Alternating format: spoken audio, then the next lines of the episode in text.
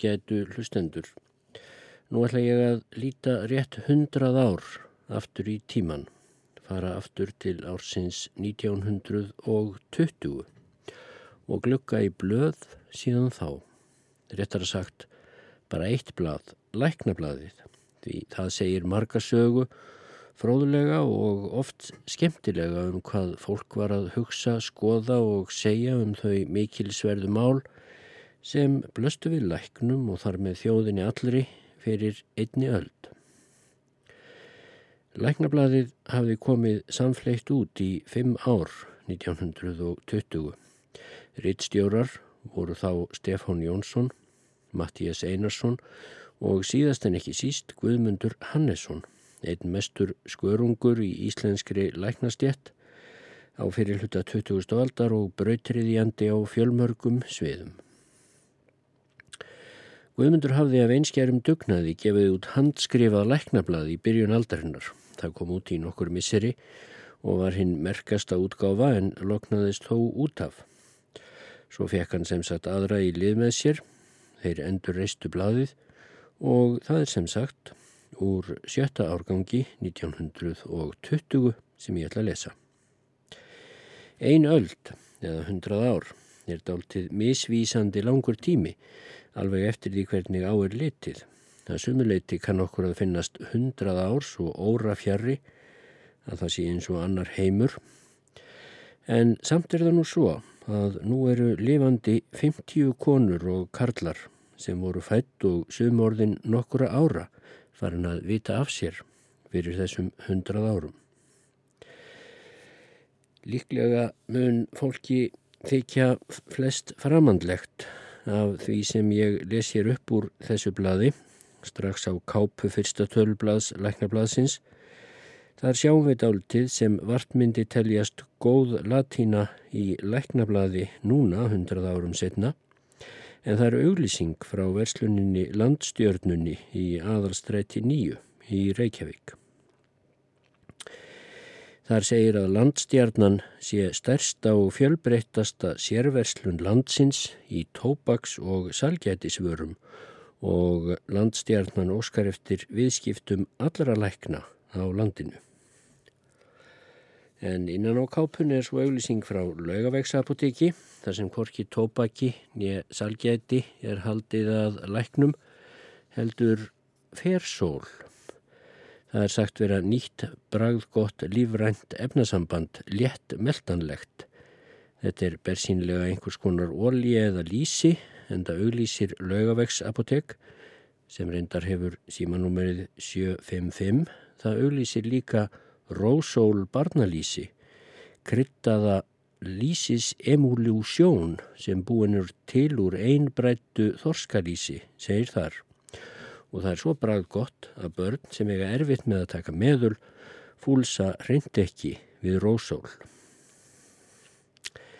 Í fyrsta leiðara þessa árgangs læknarblaðsins sem Guðmundur Hannesson skrifar þá spyr hann kollega sína næsta grimmilega hvort þeir hafi í rauninni áorkað einhverju á því ári sem nýliðið sé.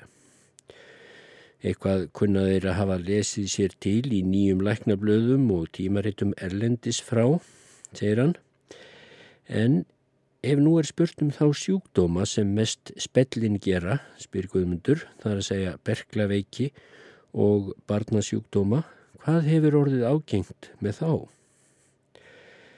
Að allir berglaveikir sem undir að grafa upp síu bóklærðir er sjálfsögðu skilda en gagslítið er það ef ekki er eftir þeim litið. Er það nú víst að enginn þeirra sofi hjá öðrum að séu með ung börn í sinni vörslu eða aðhafist annað jafn háskalegt. Þarf ekki að einangra einhverja eða rétta öðrum sjúklingum hjálparhund.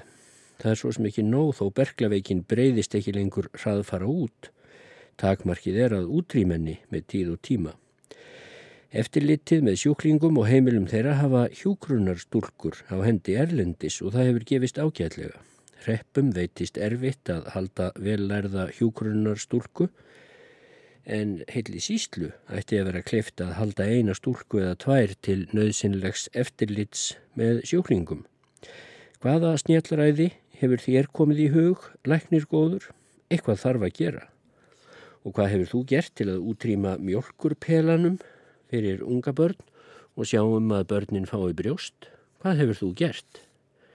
Þetta skiptir ekki litlu máli fyrir líf og heilsu barnana og ókleift er það ekki að þoka þessu áleiðis með tilstyrk ljósmaðurana og fá eldri börnin mjölk. Og hvað hefur svo verið gert fyrir skólabörnin og uppvaksandi kynnslóðina? Hvað hefur þú lagt af mörgum? Víða eru skólahúsin afleit og brúkleg. Þau þurfa að vera ágætt og það fljótt. Hvað var undirbúið í þá átt á þínum vegum árið sem leið og hvað var gert til að greiða götu veiku og veikluðustu barnana? Hvað hefur verið gert til að vekja hjá unglingunum? Áhuga fyrir útivist og íþróttum, reynlæti og góðramanna síðum? Auðvitað á læknirinn að vera hér að sinns slingasti íþróttamaður, göngugarpur, skíðamaður og styrtar stóð þeirra ungmennafélaga sem hafa áhuga á íþróttum. Og hvað hefur þú svo unnið í þá átt að bæta eitthvað húsnæði, fött og fæði fólksins, þryfnað og því um líkt? Þó erfitt sé að bæta úr þeim sorglegu húsakinnum sem flestir Íslendingar lifa í, þá er margt verra en vera þarf. Við höfum búið hér þúsund ár og oft hafa kaldar höndur verið en aldrei kunnað að búa til hlýja og góða vettlinga, þótt efnið sé hér nógu í þá. En vettlingar flytjast nú hingað inn frá Ameríku, svipað má segja um annan fatnað. Skinnfeldi höfðum við er fyrr en nú kaupir alþýðan bráð ónýta bómullarsokka frá útlöndum.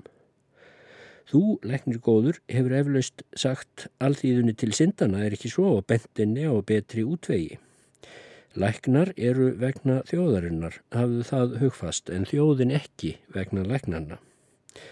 Fyrsta og fremsta hlutverkið er því að reynast þjóðinni nýtur og gagnilegur starfsmæður í kvívetna og sá sem reynist það þarf ekki að bera áhyggjur fyrir daglegu brauði. Pálleitin Brím sagði mér eitt sinn að höfuð synd íslenskara ennbættismanna væri nördlið.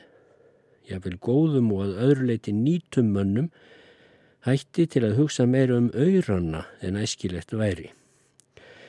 Þeir hlýfðust við að kaupa sér bækur til að fræðast af í sínu fægi eða leggja nokkuð í sölurnar fyrir hugssjónir sínar, söpnuða vísu smám saman nokkur um þúsundum króna en nýrðu aldrei nema hálfur menn fyrir bræðið.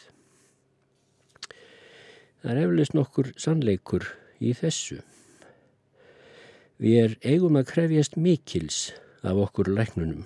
Læknar eiga að standa jafnfættis læknum annara þjóða, vera ötulir forvíismenn menningarinnar, vandir að virðingu sinni vera stjett sem ekki vil vamsitt vita, skrifaði Guðmundur á lokum í leiðranum.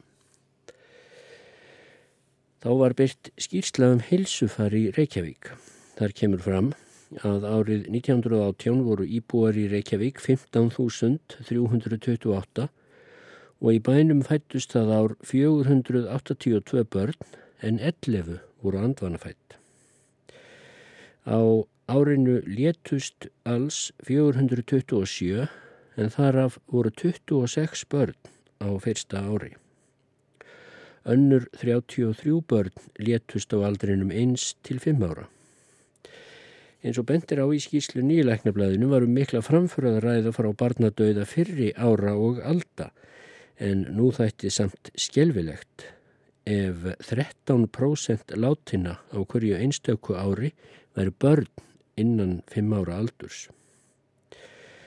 Langflestri dói úr farsóttum árið 1918 en það var það ár spænsku veikinnar sem var 250 manns að aldur til að í Reykjavík en úr berglum dói 37, langflestir úr lungnaberglum. Þá fóru 32 úr krabbameini, 17 af heilablóðfalli, 16 úr hjartabilun, 11 af slísförum og svo framvegis. Tveir fremdu sjálfsmórð.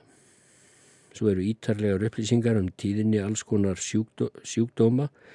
Þar kemur til dæmis fram að 359 hafa þjáðast af lekanda árið 1918. Þar af 56 útlendingar, fyrst og fremst sjómenn af skipum sem hingað komu. En sífilis eða sárasótt hrjáði 55 og þar að voru 24 útlendingar.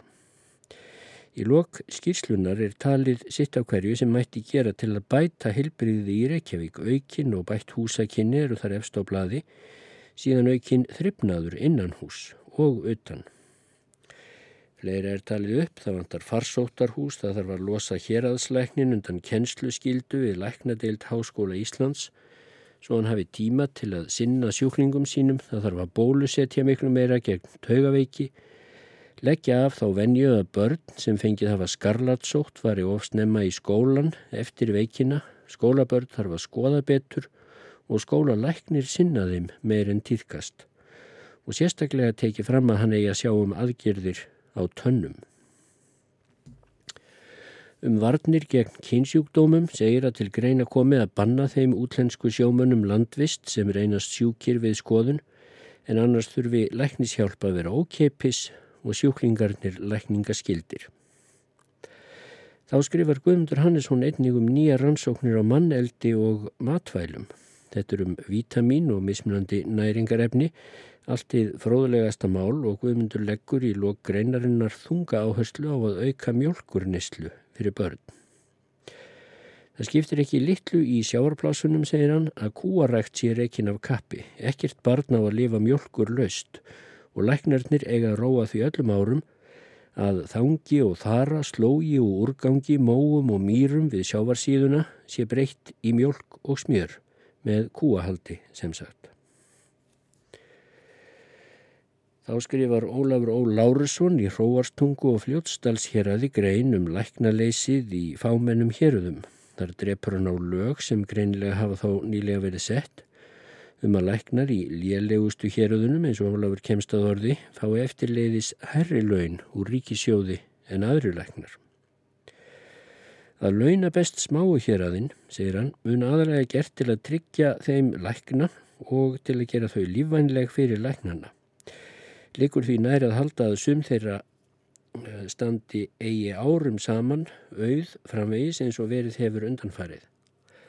En þeir sem álíta það eitt síðan nóg til að tryggja fámennari hérðum lækna að launa þeim sæmilega, þeim skjöplast ídla sín. Læknar láta ekki ginna sig eins og þursa með peningum.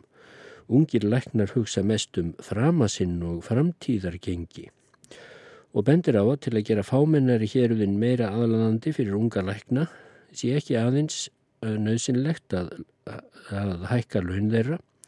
Það verður líka að sjá þeim fyrir almennilegum bústöðum og ganga svo frá málum að læknar úr fámennari hérulunum eigi vís betri héruð þegar þau losna eftir að þeir hafi þjónað svo og svo lengi í hinnum smerri. Ólafur segir Ungulæknarnir forðast nú orðið lélegu héröðun eins og heitan eldin mun það stafa af því að minna er þar að gera en í þéttbíli héröðunum Læknis vitjað lítið heima fyrir, laung og erfið ferðarlög taka mestan tíma þeirra lækna sem þar eru. Og Ólafur brínir alveg sérstaklega fyrir yfirvöldum að gera læknum í hinnum smerri héröðum kleift að halda við mentun sinni og bendir á að þeir hafi margt fram að færa því í þessum fámennari héröðum koma fyrir ímis sjúkdómstilfelli erfiðari viðregnir en í hinum, langvinnir sjúkdómar sem útteimta mikla ástundun og mikið má af læra. Ög þessum læknar í fámennum héröðum hafi öðru jöfnu meiri og betri tíma til lærdómsiðkana en læknar í þjettbíli héröðum þar sem stöðug aðköll eru og erill. Í öðru tölublaði læknablaðsins árið 1920 er svo byrtur fyrirlestur sem læknirinn Sæmundur Bjarn Hjeðinsson held á fundi lækna um hið svonemda læknabrennivín eins og hann komst að orði. Sæmundur var merkur maður. Hann var hún af að síslu eins og förðu margir læknar um aldamóti 1900 þar á meðal og ekki síst Guðmundur Hannesson. Sistir Sæmundar var hvernréttinda konan Bríett Bjarn Hjeðinsdóttir en þekktastur er sæmundur fyrir mikið starfað málum Holtzveikra. Hann var forstöðum aður Holtzveikra spítalans í laugarnissi um langa hríð. En það var sem sagt læknabrennivinnið. Þannig var mál með vexti að fimm árum fyrir 1915 hafi gengið í gildi algjört áfengisbann á Íslandi. Undan þáur voru afarfáar en svo helst að læknar höfðu leifi til að ávísa áfengi til, til lækninga og lifiagerðar. Í grein sæmundar kemur fram að mikil meirhuldi lækna hafði sótt það fast þegar bannlaugin voru sett að þeir fengju slíkt leifi til að ávísa á áfengi því eins og hann segir Læknastjettin gæti alls ekki sætt sig við það að stjórn eða lögjafarvald færi að ákveða hvaða meðul við brúkuðum handa sjúklingum okkar og ég vil ekki þóttum ég við sjálft efni væri að ræða sem vínanda. En svo kemur ég að framtram að lækna síðan nú óspart sakaður um að misbrúka það vald sem þeir hafi til að ávisa áfengi og Sæmundur fer ekkert í félur með að meir en all nokkurt sannleikskorn sé í því. Hann bendir á að innflutningur lifi að verslana, innflutningur sem sé á ábyrðu lækna, hafi stór aukist. Á hálfu ári 1915 hafi Reykjavíkur apotek til dæmis afhend eftir ávísun frá læknum 106 flöskur af svo kalluðu malagavíni. Annað var það nú ekki 106 flöskur á einu ári. En á jafnlöngum tíma árið 1919 hafði apotekið afhengt samkvæmt resefti frá læknum ekki eina einustu flösku af þessu malakavíni sem þótti halgerður hróði en hins vegar 473 flöskur af rauðvíni, 480 flöskur af sérríi, 568 flöskur af portvíni og hvorki meirinni minna en 1447 flöskur af konjaki sem íslenskir læknar virðast samkvæmt þessu hafa talið allra meina bót fyrir sjúklinga sína. Ég tel þetta ítla farið, segir Sæmundur. Lögbrót eru þetta allstaðar hvimleið, en engum ef menn nota þær trúnaðar stöður sem þeim eru fengnar til að fremja þau í. Af tvennu ítlu sætti ég mig fremur við að þeir læknar sem vilja ná sér í vínanda eða annað áfengi hægi sér eins og aðrir borgarar sama sinnis og smikli víninu eða kaupið það hjá vínsmiklurum. Þá eru þeir sem hverjir aðrir borgarar sem fremjaði vísu lagabrót en misbeita ekki stöðu sinni sem læknar til að abla sér eða öðrum áfengis. Sæmundur hvaðist telja að flestir fylgi lögum samvissamlega og ávísi ekki á áfengi nema þeim þykja ástæða til en nokkrir láti kannski stöku sinnum undan argi og bónstakli náungans af góðsemi eða greiðvikni. En því sé því miður ekki að neyta að fáinir læknar séu til sem beinlýnis gera sér það að atfinnu að selja nálega hverjum sem hafa vill vínreseft eða vín. Þess að menn tel ég setja blett á læknastjéttina, segir Sæmundur.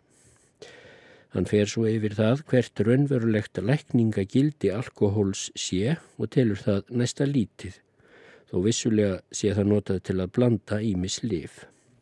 En vanda minnst væri það fyrir læknastjettina, segir hann að lokum, ef laugin um vald lækna til að ávísa áfengi væru afnuminn, en litlar horfur er á því.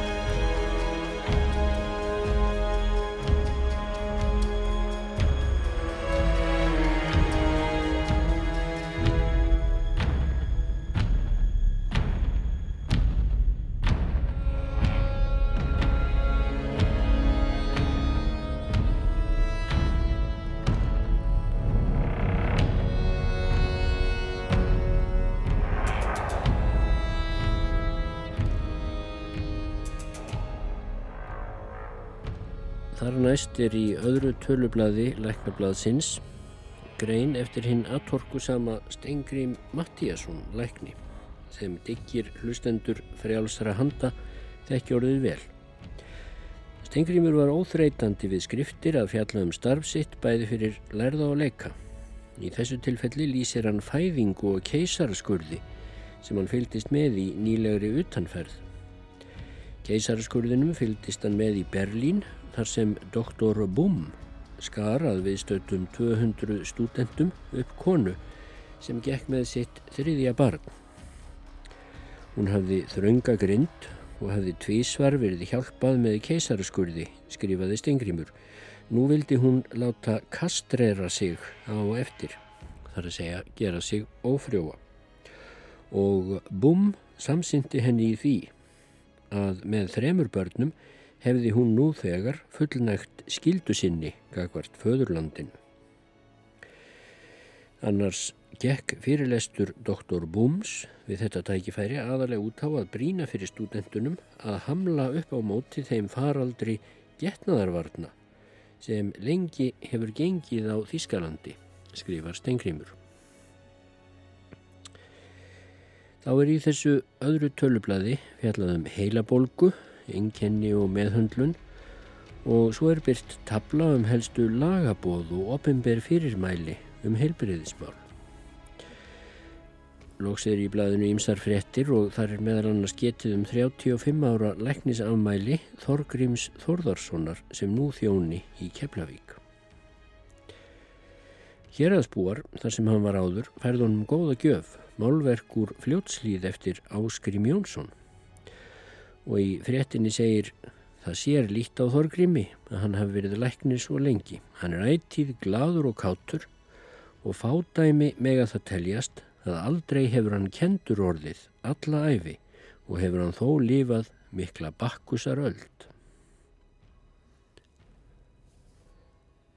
Í þriðja tölublaði Læknablaðsins 1920 er lengsta greinin um influensu og varnir gegn henni. Það var eðlilegt áhyggjuefni læknað eins og rúmu áru eftir að spænska veikin gerði sín hervirki á Íslandi eins og viðar. Guðmundur Hannesson skrifar svo um áhrif áfengis á heilsu, vendanlega í tilefni af hinnum miklu ávísunum lækna á konjak sem Sæmundur Björn Híðinsson hafði fjallað um í tölublaðinu á undan og Guðmundur minnir kollega sína með fjölmörgum dæmum á að þrátt fyrir allt talum hressandi áhrif af áfengi þá gefi nálega allir vísindamenn sem fengist hafa við áfengisrannsóknir síðustu áratögi brennivininu ótrúlega vondan vitnisspurð. Og Guðmundur segir, svo andans örfun sem við þykjumst finna við áhrif áfengis er alls ekki sprottin af því að heilin starfi betur. Þvert á móti þá rakar öllu skinnsemi starfi glögt og hraðfara jafnvel við smáa áfengiskamta. Alltaf tekst þeim miður sem neyta áfengis þrátt fyrir að þó ætið finnist þeim sjálfum að sér gangi betur með áfengi en ándes. Allt beri þar að sama brunni og hljóma skrif guðmundar eins og þau getur verið fest á blað í dag. Svo vel hafa menn fyrir hundrað árum greinilega gert sér fyrir algjörri og nær óendanlegri skaðsemi áfengisins. Það verður þó að segja að ein málskrein í grein Guðmundar hljómar enkennilega í okkar eirum.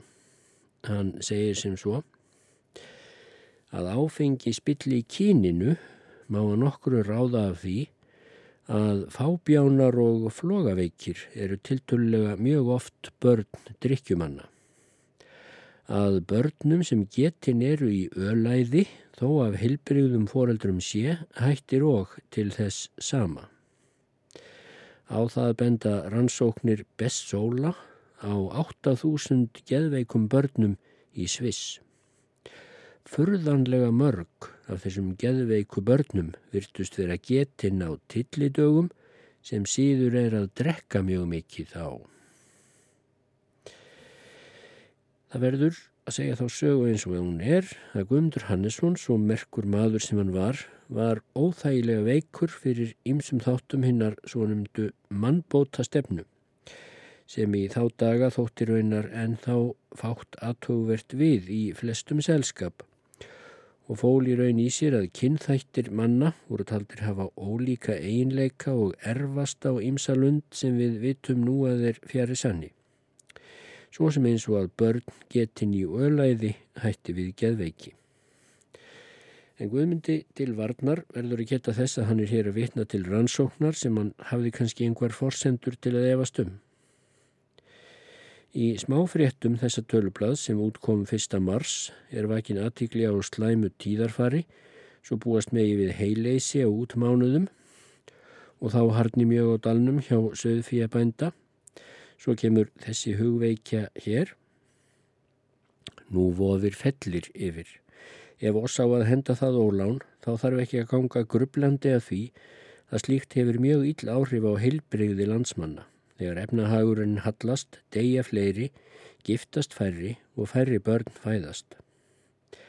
Sannleikurinn er sá að fátækt, hungur og hallæri hafa verið stórfældustu banameinin á fyrri öldum, hvað sem nú verður. Ef sulturinn hefði ekki drepið oss þá væru landsmenn nú half miljón. Sá áhættu búskapur sem við rekum Íslendingar er óverjandi skrælingjaháttur, skömm og skaði bæði fyrir bændur og þjóðfélagið. Hver einasti læknir á að gera sitt til að koma öðrum betri hugsunarhætti inn hjá fólkinu ekki síst bændum. Þetta hefur gengið trekt þrátt fyrir allar áminningar en svo má þó brína dekt í árn að býtu um síðir.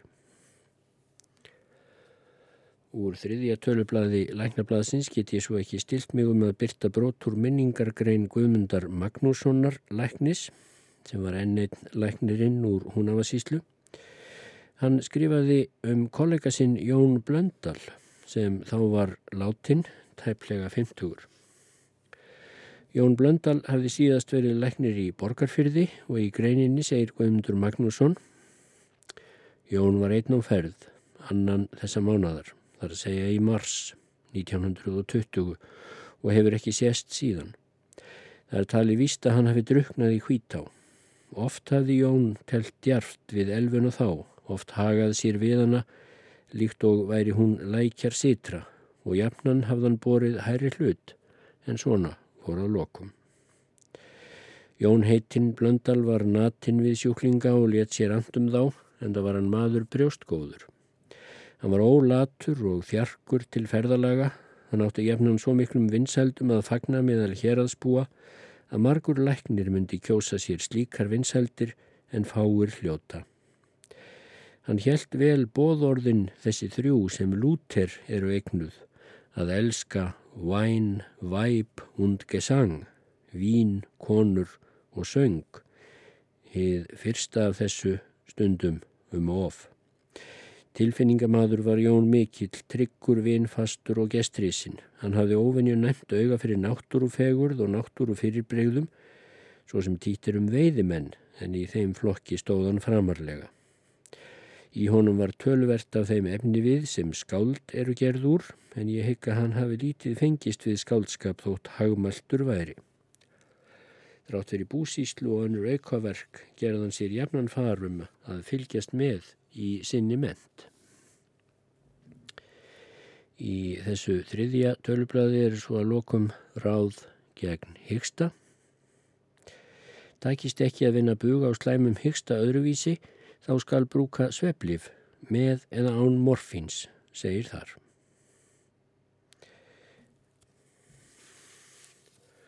Og í næsta tölubladi kemur svo laung og ítarleg grein eftir Guðmundur Eittstjóra Hannesson um samræðis sjúkdóma eða kynnsjúkdóma og bentir á að tilfellum þeirra hafi sífelt farið fjölgandi síðustu árin. Sjúkdómar hitta hér á nýjan jarðveg, segir hann, fáfróða alþýðu og lækna sem litla æfingu hafa í diagnósus og meðferð á þessum samræðis kvillum. Sem, þar sem lakast hefur staðið á ytra Rúsland, Kína, sum ríkin í Afríku hefur svo farið að nálega hvert mannsbarn hefur síkst af samræðis sjúkdómum. Ef ekki á að fara verð fyrir oss en nágrununum verðum við að hafa jafn fullkomnar varnir og þeir og jafn góða læknishjálp. Greintir frá tillögum sem lækna nefnd hafi sett fram og Maggi Július Magnús hafi kynnt á nýlegum fundi þar sem mælt var fyrir um fræðslu og eftirlit auk ókipis lækningar að minnstakosti fyrir hvern fólk en setja verði markið herra.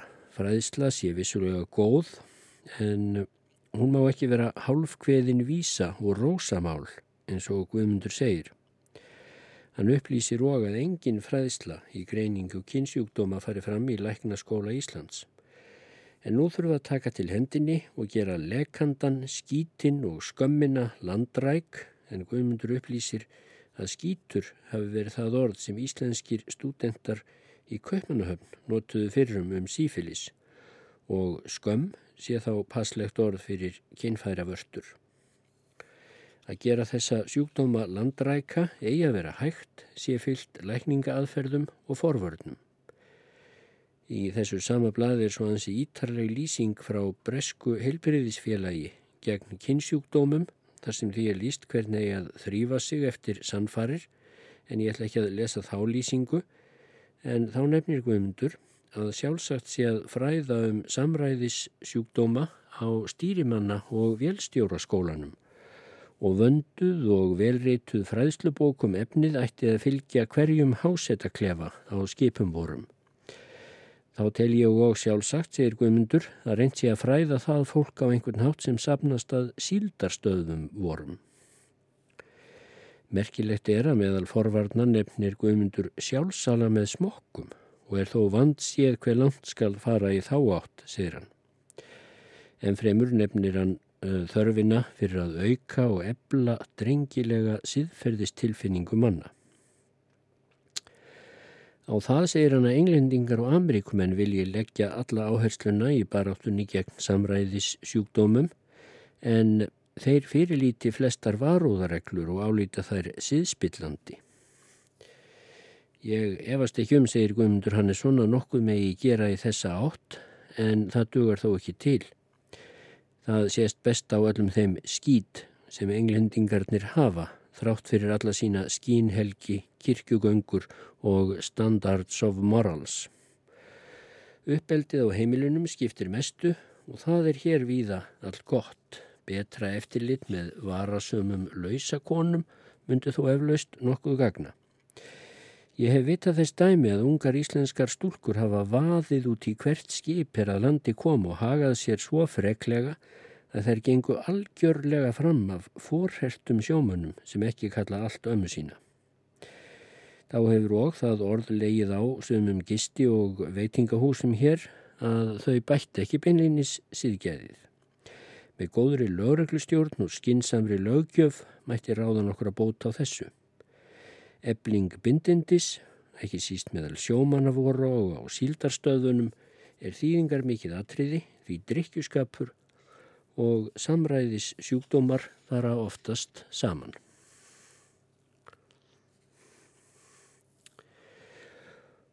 Og þá skrifar Guðmundur við annan mann bráð skemmtilega grein.